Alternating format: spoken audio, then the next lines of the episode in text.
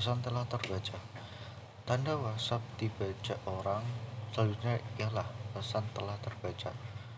Itu berarti ketika akun WhatsApp pengguna disalin ke aplikasi cloning WhatsApp menggunakan kode QR yang semestinya digunakan pada WhatsApp web.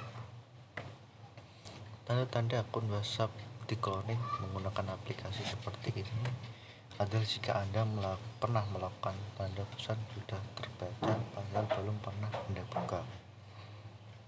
Pesan yang sudah terbaca ditandai dengan dua centang biru bagian kanan bawah pesan. Namun tanda ini bisa dinonaktifkan di bagian pengaturan. Jika tanda ini tak diaktifkan, pengguna tak bisa melihat ataupun